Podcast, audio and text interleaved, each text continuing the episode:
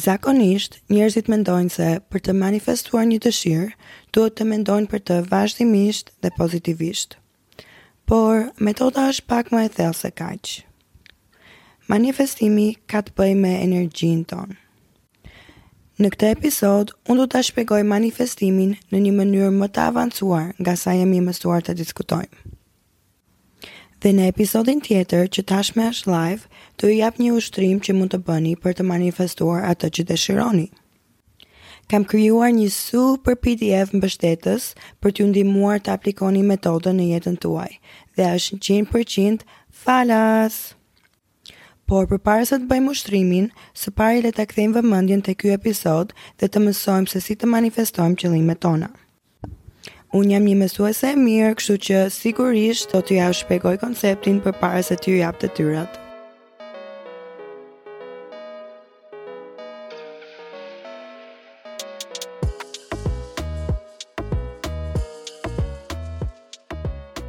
Përshëndetje beautiful soul.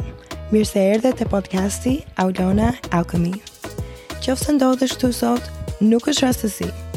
Të ka sjellë sinkronizimi i universit dhe dëshira jote për të manifestuar jetën e ëndrrave të tua.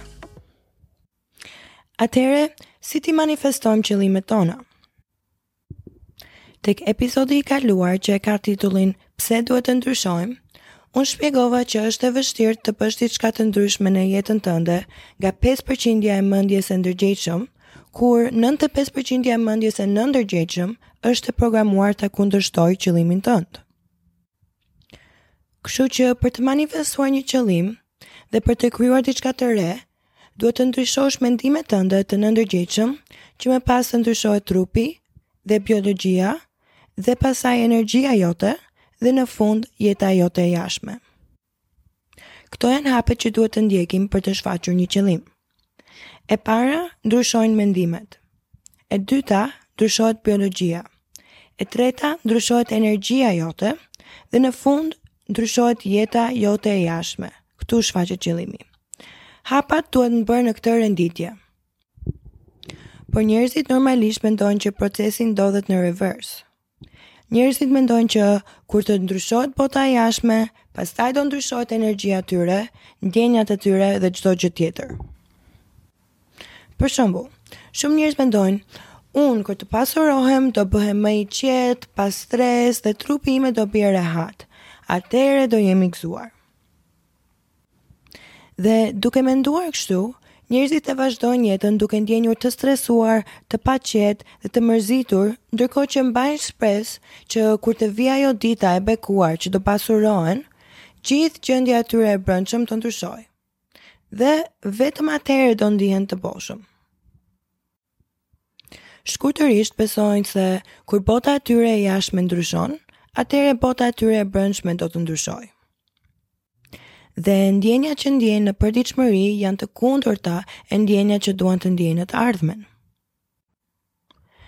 Personi që kërkon pasurinë, e kërkon se ka një besim që pasuria do i bëjë të ndjehet i bollshëm, i suksesshëm, i lumtur, mirënjohës e tjerë tjerë.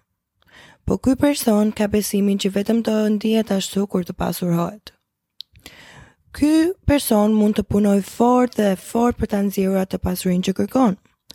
Madje mund të jetë duke punuar disa puna njëkohësisht për të arritur qëllimet e tij. Vullneti i këtij personit duhet të lavdërohet. Por, kjo nuk është mënyra e duhur për të manifestuar ose për të shfaqur atë që dëshiron. Dëshirat tona manifestohen kur ne bëhemi të barabartë me ndjenjat që dëshirojmë në të ardhmen, përpara se të na ndryshohet bota e jashtme aktualisht. Duke pritur që bota jashtë nesh të na lehtësojë dhimbjen që ndjejmë brenda nesh është modeli i vjetër i realitetit. Modeli i ri e realitetit është gjithçka që na nevojitet për të arritur qëllimet tona ekziston brenda nesh. Dhe arritjen e qëllimeve tona fillon me mendimet dhe ndjenjat tona. Kështu, nuk jemi më viktima të situatës sonë të jashtme dhe rimarrim fuqinë dhe përgjegjësinë për rezultatin e jetës tonë. Disa njerëz do kalojnë gjithë jetën e tyre duke jetuar në mungesë dhe duke pritur që diçka të ndryshojë. Por, nëse jeni duke pritur, atëherë nuk jeni duke krijuar. Alkimistët janë ata që vetë krijojnë jetën që dëshirojnë. Tani do ju jap një citim të bukur nga autori Dr. Joe Dispenza. Në momentin që filloni të ndiheni të bollshëm, ju po gjeneroni pasuri. Në momentin që filloni të ndiheni të fuqizuar, jeni duke ecur drejt suksesit tuaj. Në momentin që jeni të dashuruar me veten dhe të dashuruar me jetën, do të krijoni një partner të barabartë. Në momentin që filloni të ndiheni mirënjohës dhe të plotë, fillon shërimi juaj. Dhe në momentin që jeni të mistifikuar me jetën, do keni një eksperiencë mistike dhe të mrekullueshëm. Dr. Joe Dispenza na mëson që për të manifestuar një qëllim, duhet të jesh i barabartë me atë energjetikisht. Po çfarë domethënë kjo? Si matet energjia e njeriut dhe energjia e dëshirës tyre? A ka një aparat që mund blejmë? jo. Në këtë kontekst, fjala energji do të thotë njësoj si fjala ndjenja. Emocionet ose ndjenjat e dikujt reflektojnë energjinë që ato po transmetojnë. Çdo ndjenjë ose emocion ka një frekuencë. Iluminizmi ka frekuencën më të lartë që është 700 Hz. Gëzimi e ka frekuencën 520 Hz. Zemërimi e ka frekuencën të ulët 150 Hz. Ndjenjat me frekuencë të larta janë ato që na bëjnë të ndihemi mirë. Këto janë ndjenja që vijnë nga zemra dhe na vënë në një gjendje zgjerimi.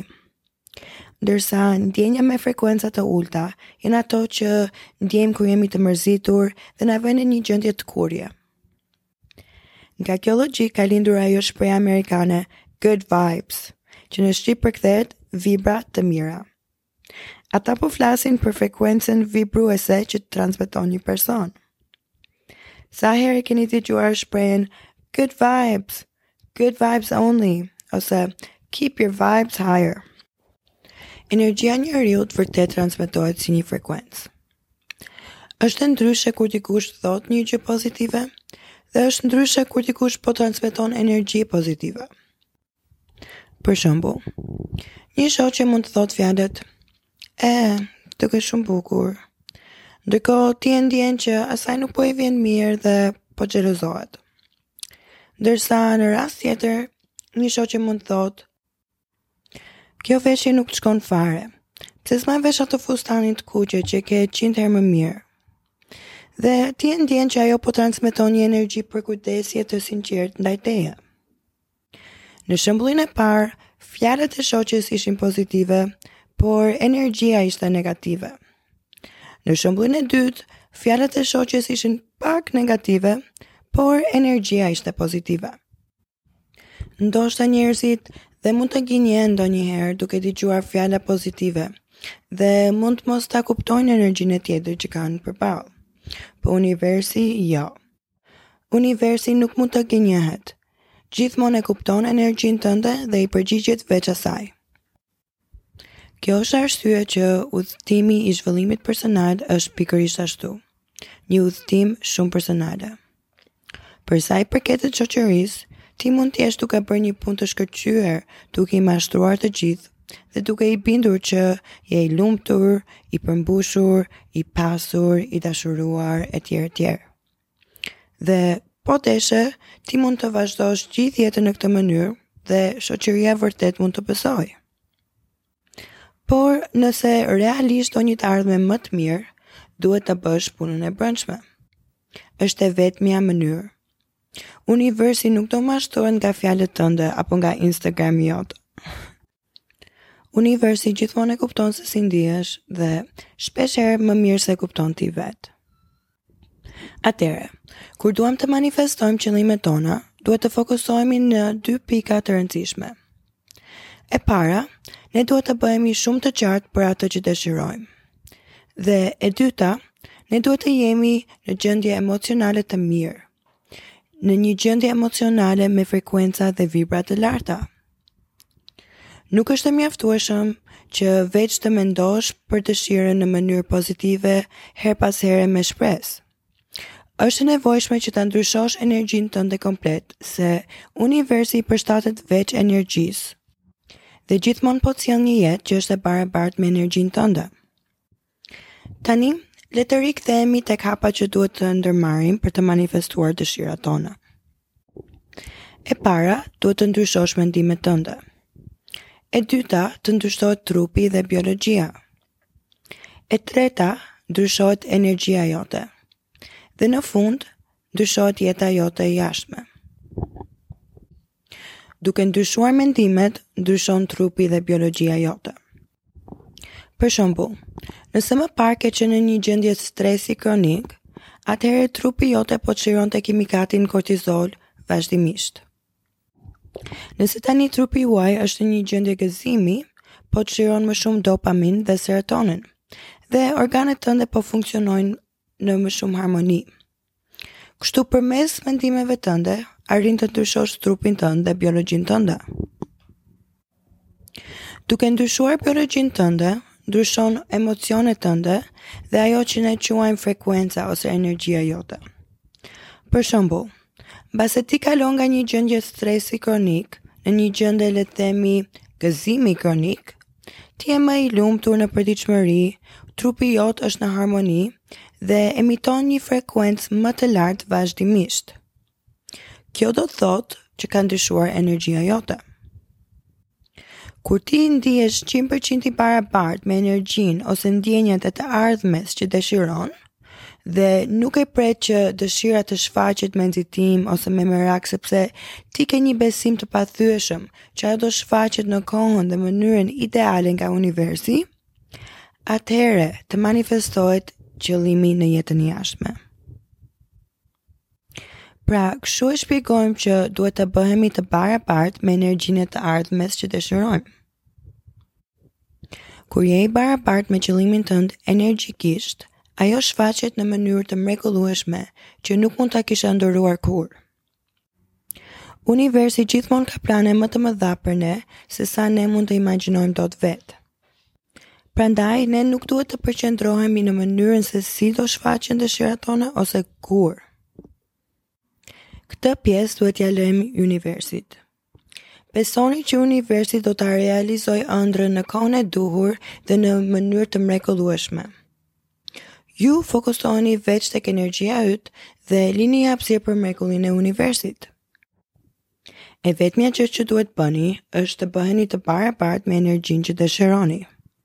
Kur ta bëni këtë, mund të prisni një mrekulli nga universi. Si thotë Osho, jini realistë, prisni një mrekulli. Për ta përmbledhur episodin e sotëm, do ju lë me katër pika.